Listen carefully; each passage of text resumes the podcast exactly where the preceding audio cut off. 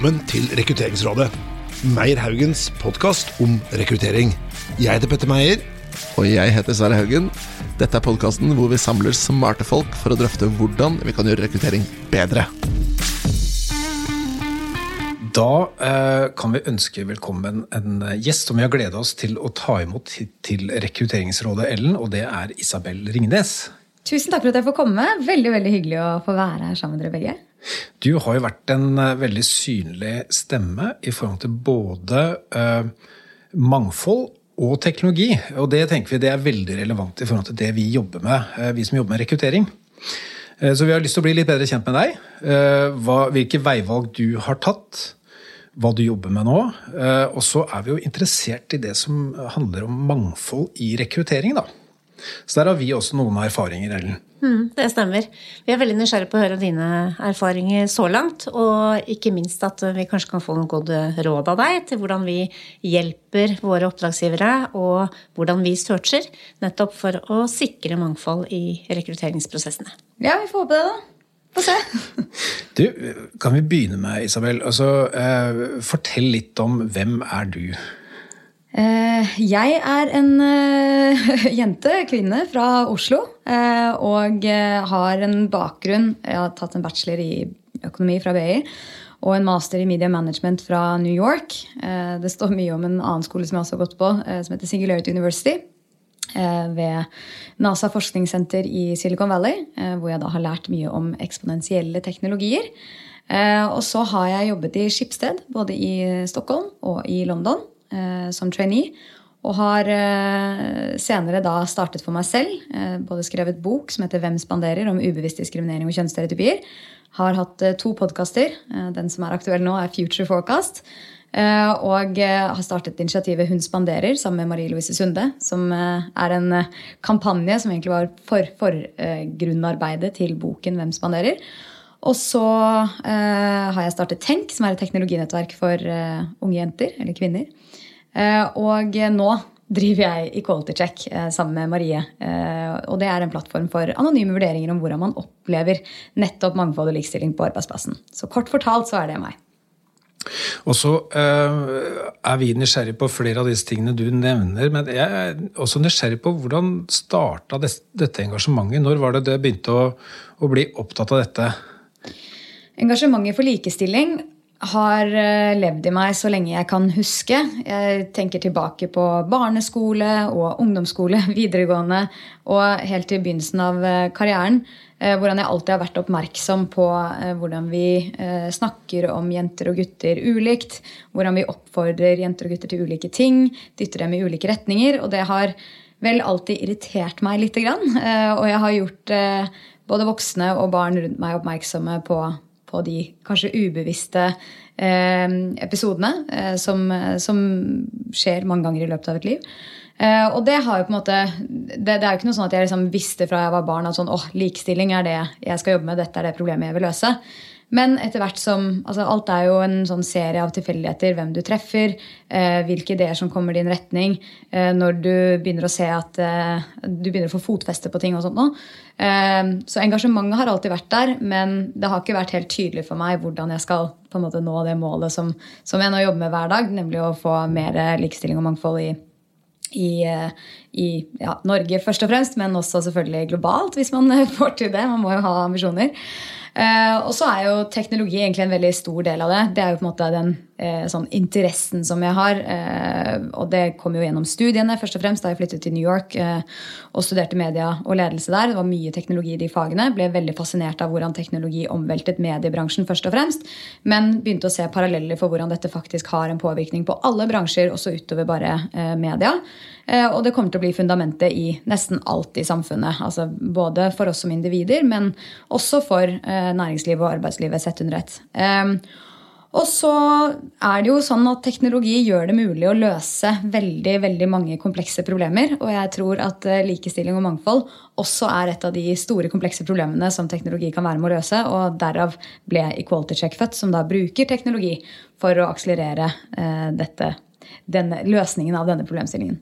Det syns jo jeg er veldig spennende da, å høre mer om. For hvordan tenker du at teknologi kan brukes til å redusere, eh, redusere stereotypier i samfunnet og sørge for et eh, større mangfold? Ja, det er mange måter. Eh, sånn som vi jobbet gjennom Hun spanderer, da, eksempel, så var jo det en digital kampanje. Eh, nå er jo det helt eh, vanlig. Det er jo som såpe og vann omtrent å bruke sosiale medier til å, til å, nå ut. Men på det tidspunktet så var det ganske nytt. Det var sånn rundt 2014 hvor man da brukte filtre, og hvor man brukte Vi hadde utviklet en sånn implicit association test, hvor man kategoriserer raskt kvinner og menn inn i ulike kategorier, om man da forbinder dem mer med karriere eller hjem. Eh, hvor man da som individ kunne bli oppmerksom på de ubevisste eh, fordommene som man har. Eh, det også ble gjort da digitalt og spredt digitalt. Og så jobbet vi altså veldig mye med sosiale medier og digitalt for å skape bevissthet i samfunnet rundt dette. Så det er jo én ting man kan gjøre. Og så er det jo det, så finnes det mange andre ting som jeg ikke trenger å gå inn på her, fordi det er ikke så relevant i forhold til det jeg jobber med. men Equality check for eksempel, da, er jo også en måte å skape mer gjennomsiktighet i arbeidsmarkedet, og hvordan det faktisk ligger an med mangfoldet og opplevelsen av like muligheter i det norske arbeidsmarkedet, og også forhåpentligvis globalt. Jeg må bare understreke det hver gang, fordi ambisjonene må være der. Uh, men, uh, men, det er jo på en måte Det hadde ikke vært mulig for 15-20 år siden, men det er mulig i dag. Eh, veldig mange flere prosesser er mye mer transparent, og det ønsker vi å være en eh, bidragsyter på på akkurat dette området. Men Hva er egentlig forretningsideen bak Equality Check? Hva, hva, hva tenker du at, at det verktøyet skal løse, da?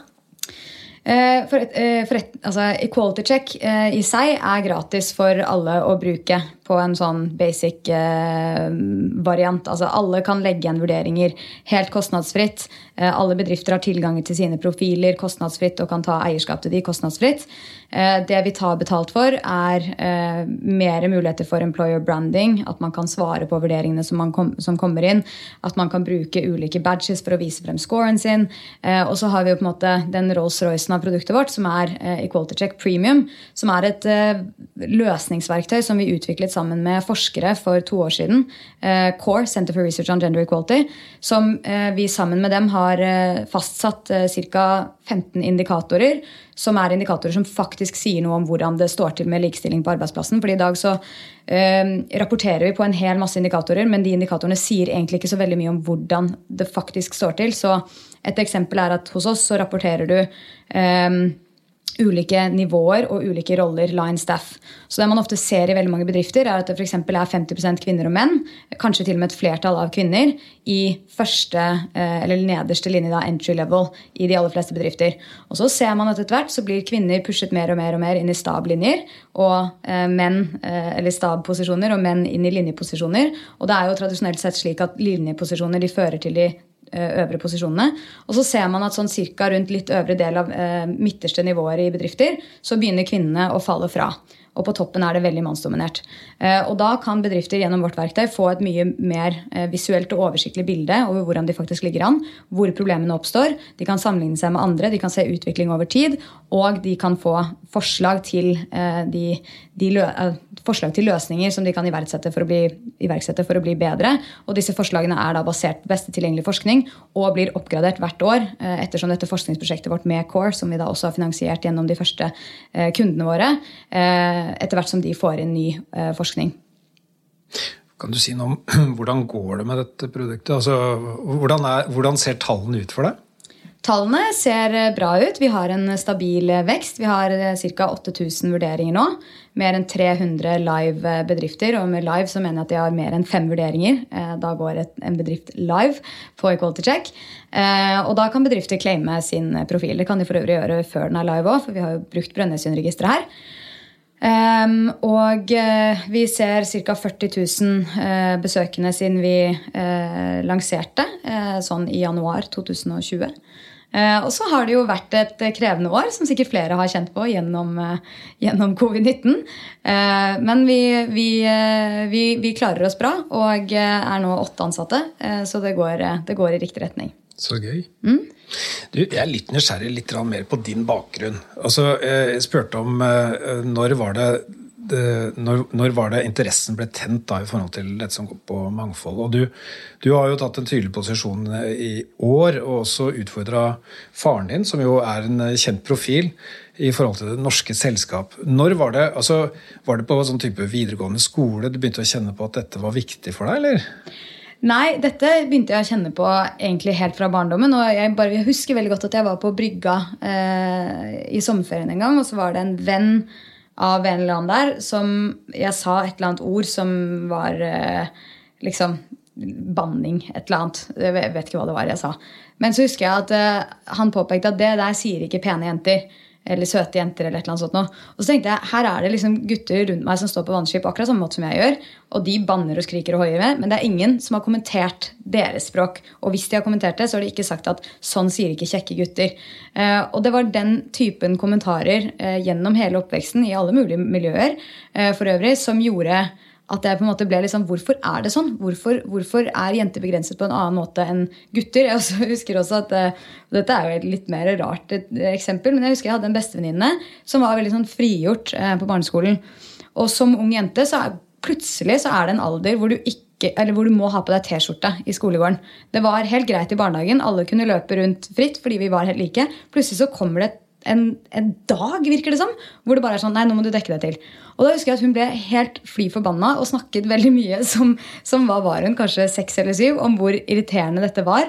At uh, samfunnet hadde lagt på sånne ulike Og nå mener jeg ikke at jeg har lyst til å gå rundt toppløs, det er ikke det jeg poengterer. Men det er mer det at eh, jeg og noen av de som var rundt meg, var ganske oppmerksomme på hvordan jenter og gutter ble snakket til og behandlet litt annerledes bare pga. kjønnet. Mm. Ja, jeg tenkte litt på, Nå snakker vi jo en del om kjønn og likestilling i forhold til kjønn. Eh, og mangfold det er jo et ganske vidt begrep. da. Eh, så det er klart eh, det er veldig spennende å høre hva du tenker på når det gjelder det å sikre mangfold i samfunnet, i næringslivet. Og da ikke minst også overfor oss som skal rekruttere. Hvordan er det i ditt perspektiv vi kan sikre mangfold på et litt bredere nivå?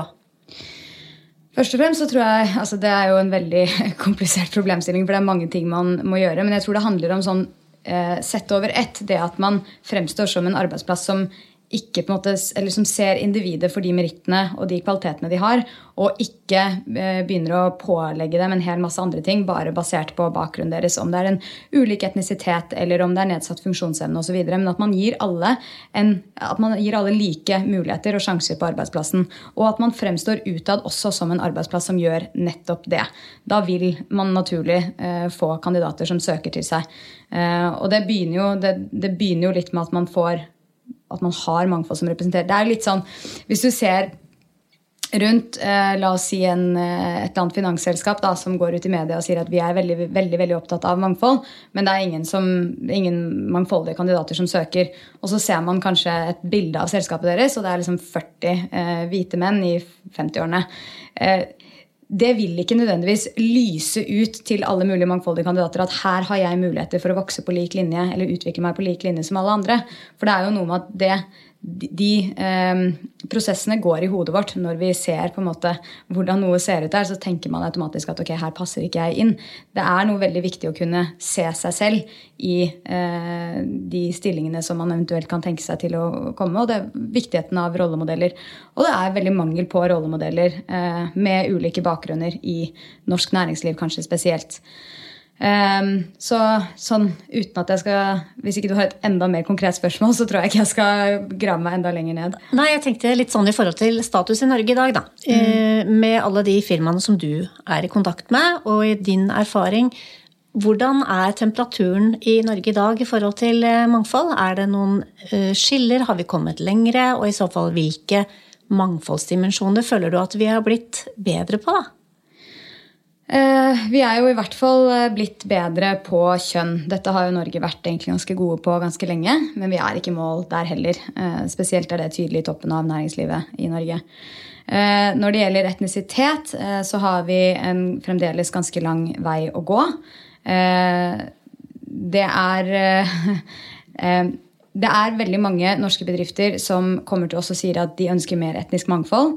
Eh, men samtidig så vet vi jo fra veldig mange studier at man har en tendens til å sortere ut alle som ikke har vestlige navn, eller som eh, ser annerledes ut på intervjuer osv. Fordi man vet at man har fordommer eh, når de da ikke ser ut som ja, det man typisk er vant til å se. Eh, så, så, man må nok ta et oppgjør med de fordommene som man har eh, som rekrutterer eller som arbeidsgiver. Eh, og man må være ganske bevisst på, på, det når man skal ut og se etter kandidater. At man, fordi det å få mangfold, det er jo ikke eh, det er jo ikke gjort over en dag. Altså, man må jo virkelig genuint ville det. Og Eh, det høres kanskje teit ut, men man må, ha, man må ha mot til det også. Eh, man ansetter noe som ikke er som en selv, som vi tradisjonelt gjør. Man ansetter noe som er annerledes. Og det kan være, og er som oftest, veldig veldig bra. For det utfordrer alle de tankene som du har, alle de måtene du gjør ting på. Eh, og som regel skjerper det spissere for deg til å stille spørsmål om hvorfor du gjør ting som du gjør. Og forhåpentligvis fører til at du gjør det bedre. Også, vi, vi, som jobber med rekruttering, vi ser også at uh, det er noe med tilfanget av kandidater også. Hvis man tenker for seg Vi, vi får konkrete rekrutteringsoppdrag. Og min erfaring er jo at veldig ofte så får vi faktisk forespørsler om å finne kvinner. da. Mm. Uh, eller finne Eh, gjerne by på mangfold også i forhold til etnisitet og bakgrunn. Men tilfanget kan være lite, da. Og det, jo, det kan gjelde lederstillinger, selv om er, der har det skjedd en positiv utvikling. Men på teknologi så er det jo et kjempeunderskudd av arbeidskraft. Så, og du har jo vært opptatt av dette sjøl. Hva, hva, hva er problemet her, egentlig? Problemet i forhold til at eh, det ikke finnes kvinner, eller problemet med at man ikke vet hvordan man skal finne dem? I forhold til teknologi, altså hvorfor er det så få kvinner som er interessert i å jobbe med teknologi? Ja, Det går egentlig veldig langt eh, tilbake i historien. Eh, det er ikke sånn at det tradisjonelt var slik at kvinner eller at menn alltid har foretrukket teknologi. Kvinner var jo faktisk de som var utmerket på teknologi frem til ca. 1980-årene, kanskje enda litt før. Eh, da teknologi begynte å bli en veldig attraktiv sektor. Eh, mange kvinner ble jo kalt for computers eh, i sin tid. Når de drev og måte flyttet rundt på disse stikkene og gjorde mange av utregningene osv. Som man for øvrig ser i en veldig god film som heter Hidden Figures. Eh, men så ble det en attraktiv bransje, det ble bedre betalt, eh, og mennene søkte seg dit. Og eh, uten å si nøyaktig hva som skjedde, så førte det til at det var veldig mange kvinner som falt fra. En annen ting som også skjedde, var at når datamaskinene ble markedsført til det alminnelige hjem på 1980-tallet, så ble de markedsført som en sånn slags spillkonsoll for gutta. Og de ble naturlig plassert på gutterommene. Eh, og dette gjorde at gutta fikk mye erfaring med å spille dataspill og lære seg å programmere osv. Og, så og når de da kom til college og skulle ta IT, som alle hadde snakket om at var en veldig attraktiv bransje, så hadde de mye mer kunnskap på dette domenet enn det kvinnene hadde. Eh, og man kan jo spørre seg om hvordan disse collegene egentlig var lagt opp, men det førte også til at veldig mange kvinner falt fra fordi de lå, eller de følte i hvert fall at de lå så langt bak og fikk ikke mulighetene til å ta igjen eh, gutta. Så det førte til veldig kjønnssegregerte utdanningslinjer. Og så er, igjen så skal man ikke eh, undervurdere effekten av rollemodeller. Eh, hvordan eh, teknologer eh, og IT-nerder, som man helst skal kalle seg eh, veldig stolt, eh, ble stort og ble en del av veldig mye av det vi ser i massemedia og på film osv., så, videre, så har det nesten absolutt alltid vært en, en gutt eller en mann. og når unge jenter ser dette helt fra de vokser opp, så er det ikke nødvendigvis sånn at de tenker å ja, det er meg, jeg kan bli han. Eh, det er litt sånn you cannot eh, be what you cannot see. Eh, og det ser jeg jo også når vi har disse teknologileirene for unge jenter. Jeg spør dem hva de har lyst til å være eller bli når de blir store. Og da svarer de som regel frisør, lærer, sykepleier. Og det tror jeg ikke er fordi de bare er født med en sånn 'det er det jeg vil bli'. Det er fordi de ser at det er det læreren deres er. Læreren er som regel en kvinne. De ser at uh, moren er sykepleier. Uh, de ser at alle frisørene er kvinner. Og så tenker de ok, det er, det er, den retningen jeg skal gå. Jeg kan, se, jeg kan se meg selv i de ulike rollene. Ikke at det er noe feil i å bli noen av de tingene, men vi trenger å vise frem at det er mye mer uh, muligheter for jenter også i teknologibransjen. og det er veldig, veldig, veldig viktig at vi får mer mangfold i teknologibransjen. Det går både fordi at dette kommer til å bli en enda mer attraktiv yrkesgruppe enn det det tidligere har vært De kommer til å være veldig høyt status og høyt betalte jobber. Så for å ikke skape øvrige forskjeller i samfunnet, så må vi ha mer mangfold. Men det andre som er veldig viktig, er at teknologien i seg selv ikke diskriminerer. Altså at vi har på en måte eh, flere perspektiver i det som utvikles, sånn at det som utvikles, svarer på alles behov. Eh, et et eksempel som kom ut for noen år tilbake, var Amazon Eh, som hadde utviklet en eh, algoritme som skulle kunne predikere hvem eh, ansatte eller hvem søkere som skulle kunne avansere til neste nivå i bedriften. Eh, og dette var en veldig smart algoritme. De var veldig stolt av den. Eh, det de heldigvis oppdaget etter to uker, var at denne algoritmen i prinsipp systematisk sorterte ut hver eneste kvinne eh, i søknadsprosessen fordi de ikke var representert i datagrunnlaget. Og da er det nok sannsynligvis basert på, på måte, kjønnsbalansen i de som utvikler hos Amazon. Ikke så mange kvinner som har vært der til å kunne identifisere at her er det et veldig ujevnt datagrunnlag som bygger algoritmer. Heldigvis så oppdaget de det, men det kommer til å være en hel masse algoritmer, en hel masse sånne sånne systemer som tar valg på vegne av befolkningen, som vi ikke er klar over hvordan har kommet frem til disse valgene, og som er bygget med datasystemer som eh, inneholder eh, fordomsfull historisk data. Så Det er på en måte en del av det jeg brenner for. Jeg vil også svare deg forresten videre på det spørsmålet som du stilte i sted, som handlet om hvordan det står til med mangfoldet i Norge. Og svaret er at vi har ikke noe sånn kjempegodt eh, bilde på det. Og det er egentlig litt av årsaken til at vi startet Equality Check. Nettopp for å få et mye bedre bilde av hvordan det står til. Eh, og det er derfor vi oppfordrer og utfordrer alle eh, med ulike bakgrunner til å gå inn og vurdere sin arbeidsplass der. Si fra hvordan de opplever kulturen, hvordan de opplever mulighetene, hvordan de opplever ledelsen osv. Så videre, sånn at vi kan se i ulike subgrupper hvordan arbeidslivet i Norge faktisk oppleves. Så én ting er jo hva er de faktiske tallene på mangfold, men hvordan er opplevelsen? Det er kanskje enda viktigere. Mm. Opplever man at man blir diskriminert fordi man har en annen bakgrunn? Det er veldig viktig å ta tak i. Og det som viser, eh, Bård, er jo at i rekruttering så er det jo flere dimensjoner man, eh, man eh, oppleves å diskriminere på. Da. Og blant annet så går jo dette på alder. Veldig mange eh, forbinder teknologi og teknologikompetanse med ungdom. Så det er jo oppdragsgivere som søker etter unge mennesker fordi de tenker at de må være unge hvis de skal henge med på teknologi. Hvordan er din erfaring der? Veldig lik som din. Jeg opplever også at de eldre som jeg kjenner, eh, føler seg diskriminert, og nok med god grunn. Eh, nettopp pga. det du påpeker. Man ønsker seg unge digitale hoder. Jeg tror ikke man skal gi opp på de eldre på ingen måte. Det er veldig mange eldre som er veldig nysgjerrige og flinke på teknologi. Men det handler jo litt om det at Og dette er jo en, altså en individuell egenskap, ikke aldersbetinget om du er nysgjerrig og interessert i å lære og utvikle deg selv som menneske. Det finnes jo hos ulike mennesker, uavhengig av hvilken alder de er. Eh, så jeg kjenner også flere unge som ikke kan veldig mye om teknologi i det hele tatt, som ikke er interessert i sosiale medier, som ikke er interessert i å bruke eh, digitale verktøy. Og de blir også irritert fordi de kommer på arbeidsplassen og alle sier ja, du styrer alle de sosiale kontoene, du styrer alt det, du styrer alt det, og så er det ikke egentlig det de kan i det hele tatt. Men fordi de er unge, så blir de plassert i den kategorien. Eh, så jeg tror at man ikke nødvendigvis skal ansette på hva er din digitale kompetanse per i dag, men at man skal eh, ansette på, som man egentlig bør i alle mulige ting, ansette på hvor, hvor, hvor flink er du til å lære, eh, hvor raskt lærer du, hvor villig er du til å lære, og hvor nysgjerrig er du. Det, dette er veldig viktige egenskaper som veldig mange eldre også besitter. Dette er veldig godt å høre, syns jeg. Eh, det er jo noe med dette kognitive mangfoldet, da. Og du toucher jo inn på det her. At det er jo mye av dette mangfoldet vi faktisk ikke ser før vi blir kjent med personene og hva de står for. Mm. Og det er heldigvis eh, like ulikt som, eh, som, man er på utsiden, så er man på innsiden. Og det er jo det vi skal ha tak i, vi som rekrutterer også. Nettopp det du bærer med deg av historie og kunnskaper som ikke nødvendigvis syns utenpå. Mm. Helt klart. Er du optimist da, eh, Isabel? Altså, du har jo du har følt og hatt dette engasjementet nå siden eh, du fortalte om en historie fra, fra skolegården. Synes Går det i riktig retning? Absolutt. Jeg er kjempeoptimist. Det er jo på alt i livet, egentlig. Og kanskje spesielt på den saken her, for jeg ser at det går fremover.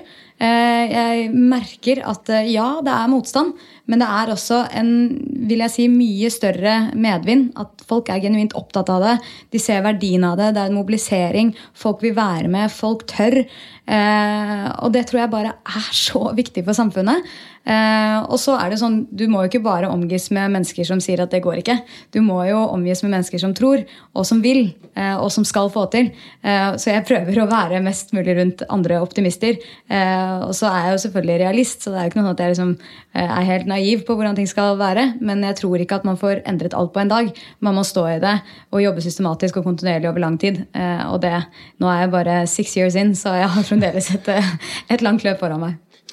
Du, Jeg har et spørsmål til. eh, og det, eh, Jeg leste et veldig godt intervju med deg. eh, Og du fortalte at eh, eh, i dag så er du jo ettertrakta Du har din egen podkast, du holder masse foredrag, men det har ikke alltid vært helt sånn naturlig for deg? Eh, nei, uh, jeg hadde veldig sceneskrekk før jeg begynte å holde mye foredrag. Uh, hvis det er det du mener. Eh, det jobbet jeg lenge med å kjempe mot. Men de aller fleste mennesker har sceneskrekk. Ja. Det er vel nummer to frykt etter å dø, tror jeg. Å snakke på en offentlig scene. Uh, og det kan jeg godt forstå. Du står jo der og blir dømt og sett på av veldig mange mennesker uh, som kan se eller høre alle tingene du sier feil, og se alle tingene du gjør feil eh, på en og samme tid. Så det, det føles veldig skummelt. Eh, men eh, etter hvert som man gjør det ofte, og gitt at man er forberedt hver gang, så pleier det jo som regel å gå greit. Og etter at det har gått greit ganske mange ganger, så begynner du å bli litt mer trygg i, i rollen. Det betyr ikke at man ikke kan forberede seg lenger, for det må man gjøre hver gang. Ja, Man skal alltid ha litt sommerfugler i magen. Altså, øh, men det er jo en interessant øh, refleksjon, fordi at mange av lytterne våre er jo også ledere, som, som kanskje også kjenner på det sammen. Men er det rett og slett bare mengdetrening som hjelper? Som hjalp deg, da? Eh, ja, det tror jeg faktisk at det er. Eh, det er eh, de færreste av oss har et sånt kjempetalent innenfor noe som helst. Se de beste musikerne. Det er ikke sånn at de blir født, de mest fantastiske komponister. De jobber, og de øver. Og jeg tror det er Altså, man må gå the hard way på de fleste ting i livet hvis man skal få det til. Det finnes ikke noen shortcuts. Så min anbefaling for nesten alt er øv og bli god på det. Det tar, det tar tid. Jeg må også bare spørre deg, Du så kanskje i går eh, nyhetene fra Politiskolen. Altså, eller Der er det da kvinner og Ifølge den rapporten da, så er det eh, kvinnelige politielever da, som, eh, som, eh, hvor de har hatt sånne kvelder med sex, med, ifølge påstanderne. Hva tenker du om dette? Jeg tenker at det er veldig synd. Og det, det er veldig, veldig synd. Og det viser igjen at vi har en lang vei å gå. Eh, Og vi må jobbe med kulturen innenfor både det private og det offentlige. Eh, Og det håper jeg at denne typen rapporter og denne typen åpenhet bidrar til at man faktisk gjør. Eh, Og det igjen går jo tilbake til hvorfor vi har equality check. Vi ønsker jo å skape mer transparens og åpenhet rundt alle disse tingene uten at man trenger å ha en sånn kjempebetalt rapport hver gang. Ikke at det ikke er veldig viktig og veldig bra i mange sammenhenger, men å gjøre den terskelen lavere, sånn at vi får frem både de stedene som gjør det veldig bra, men også kan avdekke steder hvor man bør jobbe eh, og sette inn mer innsats for at alle skal trives på arbeidsplassen. Som jo er veldig, veldig viktig. Skulle jo tro at man var et annet sted i 2020. Ja, skulle man det? Det er jo en del ting i 2020 som har overrasket oss til nå. Men jeg er jo helt enig. Eh, og det tror jeg man egentlig har, uten at jeg har levd i så mange år, 30, så tror jeg egentlig at man har sagt det eh, nesten hvert år. At man skulle tro at man hadde kommet lenger i dette året. Tror jeg gjelder de aller fleste problemer. Men eh, det er et testamente til at vi kan aldri fortsette å bli Eller vi kan aldri slutte å fortsette å prøve å bli bedre. Vi får begynne å gå inn mot landing, men du hadde et spørsmål? Ja, jeg er veldig nysgjerrig på dine fremtidsplaner. Du har rukket å gjøre veldig mye eh, i ditt unge liv til nå, da. Og jeg regner med at du har veldig mye på blokka framover. Hva er dine planer, da, hvis du ser litt inn i krystallkula? Hvor er du eh, i fremtiden? Fem-ti år?